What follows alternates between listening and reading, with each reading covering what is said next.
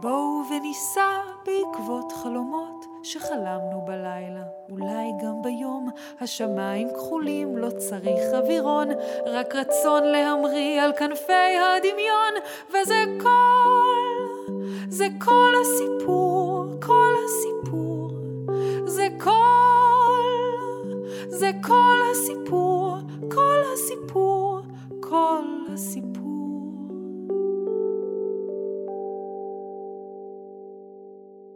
המכשפה והעורב, מאת שלי מרקוס. מכירים את יערות הכרמל? אני מתארת לעצמי שאתם מכירים, ואולי אפילו טיילתם שם פעם.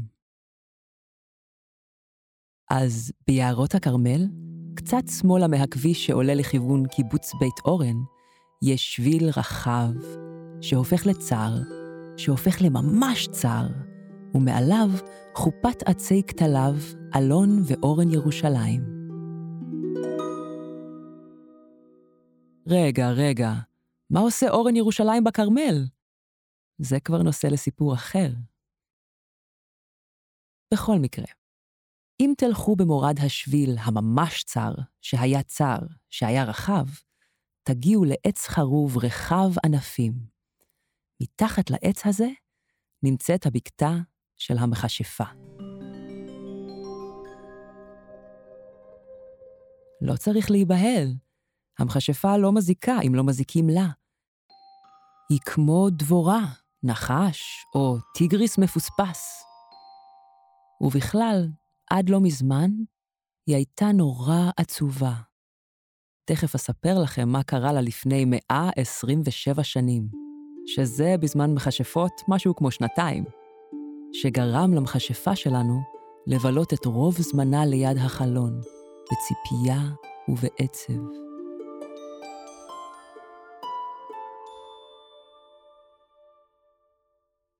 היא זוכרת את היום הזה כאילו היה אתמול, כמו שאומרים.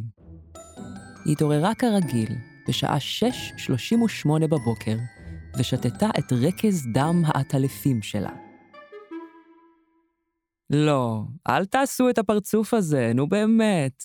כולם יודעים שרקז דם הטלפים מאוד מחזק את הגוף. טוב, לפחות מכשפות יודעות. ובזמן שלגמה מן המשקה המלוח, היא הרימה את היד וחיכתה, כמו בכל בוקר, שינחת עליה העורב. אך ידה של המכשפה נותרה תלויה באוויר, והעורב לא הגיע. היא לקחה עוד שלוק מרקס דם העטלפים, והיד שלה התחילה לכאוב.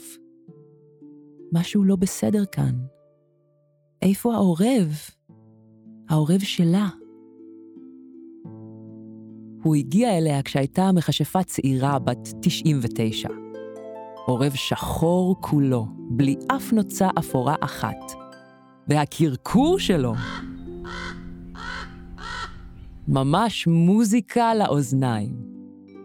בכל יום הוא היה מעופף מעל הכרמל, וחוזר כשבמקורו כל מיני אוצרות שמצא. פקקים של בירה, מטבעות של עשר אגורות, גולות נוצצות, פנס, מזלגות. פעם הוא אפילו השיג מראה קטנה בצורת חד קרן. יש לה על המכשפה חדר שלם בבקתה שנקרא חדר האוצרות של הכרמל, ובו כל השלל שהעורב שלה אסף אי פעם. אבל באותו היום העורב פשוט נעלם. בהתחלה היא לא דאגה. היא חשבה לעצמה, אולי הוא מצא משהו ממש מעניין שם בחוץ. גם כשירד הערב לא דאגה.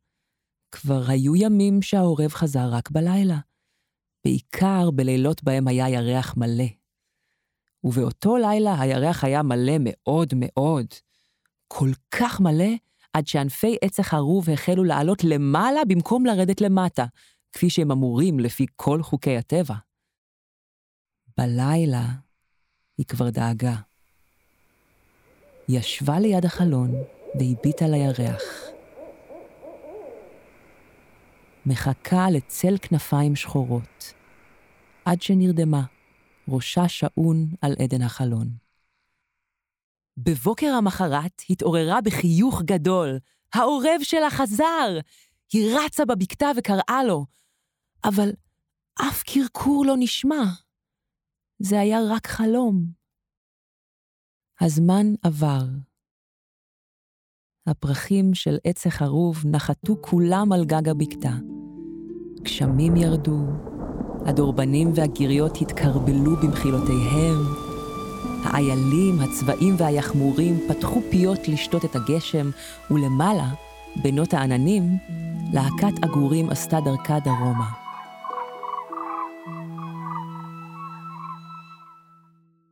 העורב שלה לא נראה בשמיים. גם לא כשהפציע האביב, וביער נולדו גורים, ובקעו גוזלים חדשים, וגם לא בקיץ, כשהחרובים סיימו הבשלתם. לא ולא ולא. מה קרה לו? המכשפה הייתה מוטרדת. העורב לא חזר, מלבד בחלומותיה.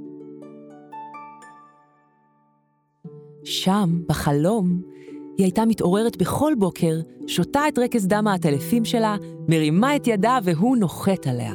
שחור, ללא כל נוצה אפורה, וקרקורו מוזיקה לאוזניים. הם היו יוצאים לרוץ ביער. היא ברגליים יחפות, מדלגת על האבנים והעשבים, והוא עף מעליה. מדי פעם נוחת על כתפה, ובמקורו מטבע או גולה נוצצת. כשהיו מגיעים לקרחת היער, הייתה המכשפה שוכבת על גבה, והם היו מביטים על העננים, ואומרים, תראה את הענן הזה, איך הוא דומה לדינוזאור. ותראי את הענן ההוא, זה ממש תות וקצפת. וצוחקים. ובחלום היא הייתה שמחה, כמו פעם. אך כשהייתה מתעוררת, הדבר הראשון שהבחינה בו היה כתם דמעה על רצפת העץ המאובקת. היא נמלאה געגוע, וחיכתה שוב ללילה, לפגישה עם העורב בחלום. היא החלה להירדם גם בצהריים, והעורב בחלום. ואחר כך ישנה עוד קצת בבקרים, והעורב בחלום. את חדר האוצרות היא לא העזה לפתוח. העצב שעטף את המכשפה שלנו לא הרפה ממנה, ושום דבר לא עזר.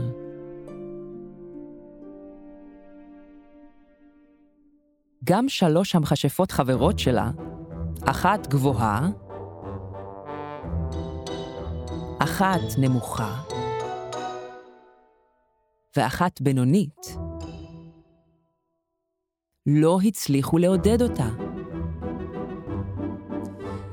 הן הגיעו אליה עם קדרה חדשה ובוהקת, ושקיקי בד מלאים בעלים של אלת המסטיק, שום סתווי וחלבלוב, והפצירו בה לקום מהמיטה ולעוף איתן על המטאטה. נו נו. זמן לקום. לצוד תולעי משי ולחפש אחר פטריות סגולות. המכשפה שלנו פקחה עין אחת ומלמלה, לכו מכאן, אני באמצע חלום על העורב שלי. המכשפות השאירו את שקיקי העלים ואת הגדרה החדשה בבקתה, ויצאו אל קרחת היער. דורכות על פרחי החרובים היבשים לטכס עצה חכמה. בשביל לטכס עצה צריך כמה דברים. קרחת יער? יש. שלוש מכשפות בגבהים שונים? יש. לעצום עיניים, להחזיק ידיים, לנשום דרך האף ולהגיד את לחש הכישוף לטיכוס עצה? תכף יש. שלוש המכשפות יצרו משולש, עצמו עיניים, המכשפה הנמוכה פקחה עין אחת כדי לוודא שהשתיים האחרות עצמו, החזיקו ידיים, נשמו דרך האף והתכוונו להגיד את לחש הכישוף, אבל אז המכשפה הגבוהה קראה. מישהי כאן לא נושמת דרך האף! אוי, סליחה. התנצלה המכשפה הבינונית. האף שלי סתוב, אני מצודדת. כולן פקחו עיניים והורידו ידיים. המכשפה הבינונית הביטה בחברותיה במבוכה, ואמרה, רגע, רגע, היא דעתי בקדחת. היא הרימה עלה כתליו וחצרצה בקול רם את האף. קינוח שהעביר רעד בין עלי העצים ביערות הכרמל. אחר כך הן שוב יצרו משולש, עצמו עיניים, שילבו ידיים, נשמו מהאף והתחילו לדקלם את לחש הכישוף לטיכוס עצה. צה, צה, צה, רוצות עצה. ו, ו, ו, עצה טובה. שלושים ושלוש פעמים. אחר כך יש להמתין בסבלנות, לא לחשוב על כלום, עד שמגיעה עצה טובה. ראשונה חייכה המכשפה הגבוהה ופקחה עיניים. אחריה חייכה המכשפה הנמוכה ופקחה עיניים.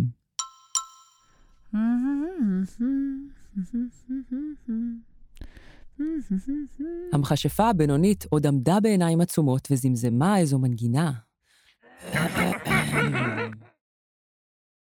כחכחו בגרונן שתי המכשפות האחרות. היא פקחה עיניים ושאלה, בא, כולת בחכות רק לי? שלוש המכשפות התיישבו במעגל. המכשפה הגבוהה שאלה, כולן יודעות מה צריך לעשות? כן. למצוא לה עורב אחר. לתת לחתול במקום. לחפש את העורב שלה. מיד התחילו להתווכח ביניהן. כל אחת ניסתה לשכנע את חברותיה מדוע הרעיון שלה הכי מוצלח. המכשפה הגבוהה הסבירה, אם נצליח למצוא עורב אחר, שנראה בדיוק כמו העורב של חברתנו, היא תחשוב שהוא חזר אליה. השתיים האחרות ענו לה, זה נקרא לרבות. חתול הוא בעל החיים הכי מתאים למכשפות. אני לא מכירה אף מכשפה שאין לה חתול. אמרה המכשפה הנמוכה בקול רם ובטוח. אבל היא אלרגית לחתולים. הזכירו לה חברותיה. לבסוף, הזדקפה המכשפה הבינונית, התעטשה שוב, ופסקה. הדבר הדחוד הוא לצאת בבשר חיפושי נרחב בכל הכרבל כדי לחפש את העורב האביתי ולהחזירו לחברתנו העצובה. לרגע אחד הושלך שקט בקרחת היער. המכשפות הרהרו. רגע לאחר מכן, הן החליטו שזה בכלל לא רעיון טוב, שכואב להן הגב, והאף, והגיבנת, ושכבר קר ולילה, והמטטים שלהן מקולקלים. אז מה תעשה? נאנחה המכשפה הבינונית. השמש שקעה במערב, והיער נצבע בכתום ובוורוד. רוח כלילה ננעה את העלים, והמהום ינשוף נשמע מרחוק. המכשפות לא ידעו שכל אותו הזמן, על הענף הכי גבוה בעץ, ישב העורב של המכשפה. זה שנעלם לפני 127 שנים, והאזין לכל המתרחש בדממה. שאלתה של המכשפה הבינונית עוד הדהדה ביער, וכמו חזרה מבין העצים עם תשובה. לפתע נעמדו שלוש המכשפות, וחיוך נסוך על פניהן.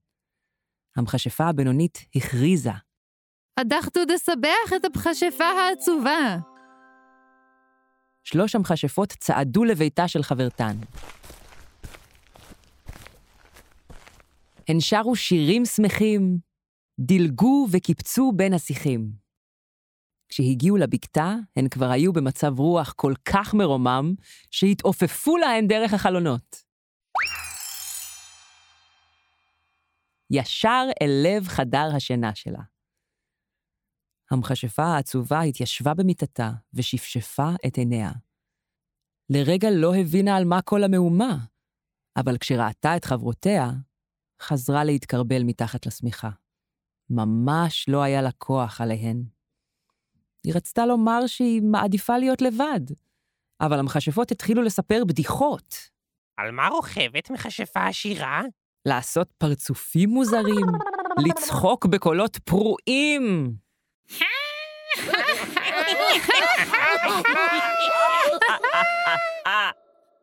ולרקוד. המכשפה העצובה נאנחה. למה לא נותנים לה להיות עצובה בשקט? המכשפות התאמצו מאוד לשמח את חברתן. הן ניסו כל דבר מצחיק שהכירו, כל בדיחה ולהטות, כל קסם וכישוף, אבל עוד לא נמצא כישוף שמשמח מכשפות כל כך עצובות. המכשפות החלו להתייאש. הן הרגישו שהן לא מצליחות לפזר את העצב. המכשפה הגבוהה נהייתה רעבה. היא הדליקה את האש בתנור. הכניסה לתוכו קדרה עם ירקות וקצת תבלינים.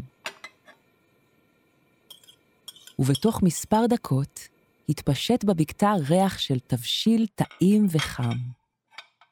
המכשפה הנמוכה התיישבה על כרית, שלפה חליל צד, והתחילה לנגן נעימה חדשה ויפייפייה.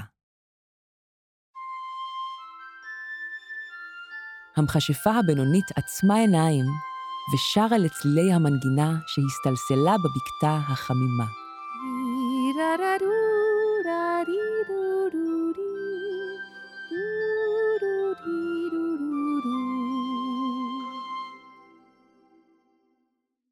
כמה טוב שיש חברות בעולם. חשבה לפתע המכשפה העצובה.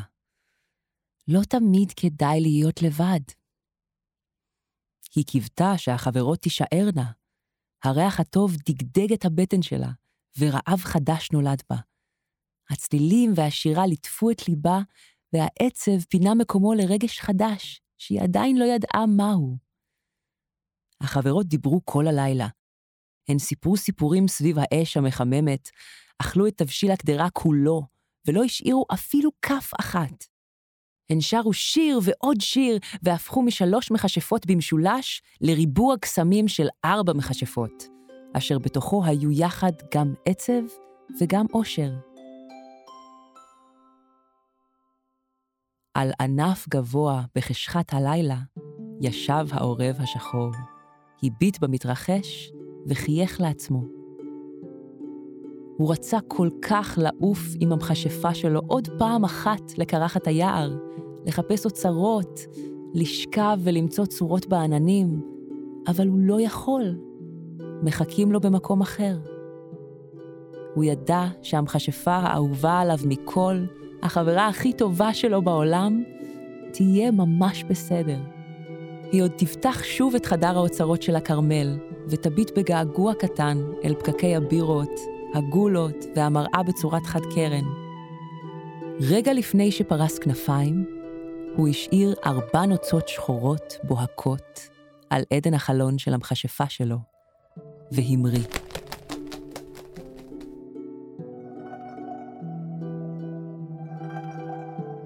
למטה, בבקתה, נרדמו ארבע המכשפות. כשיתעוררו, יגלו שפרחי החרוב מכסים שוב את הבקתה בצבעים עליזים.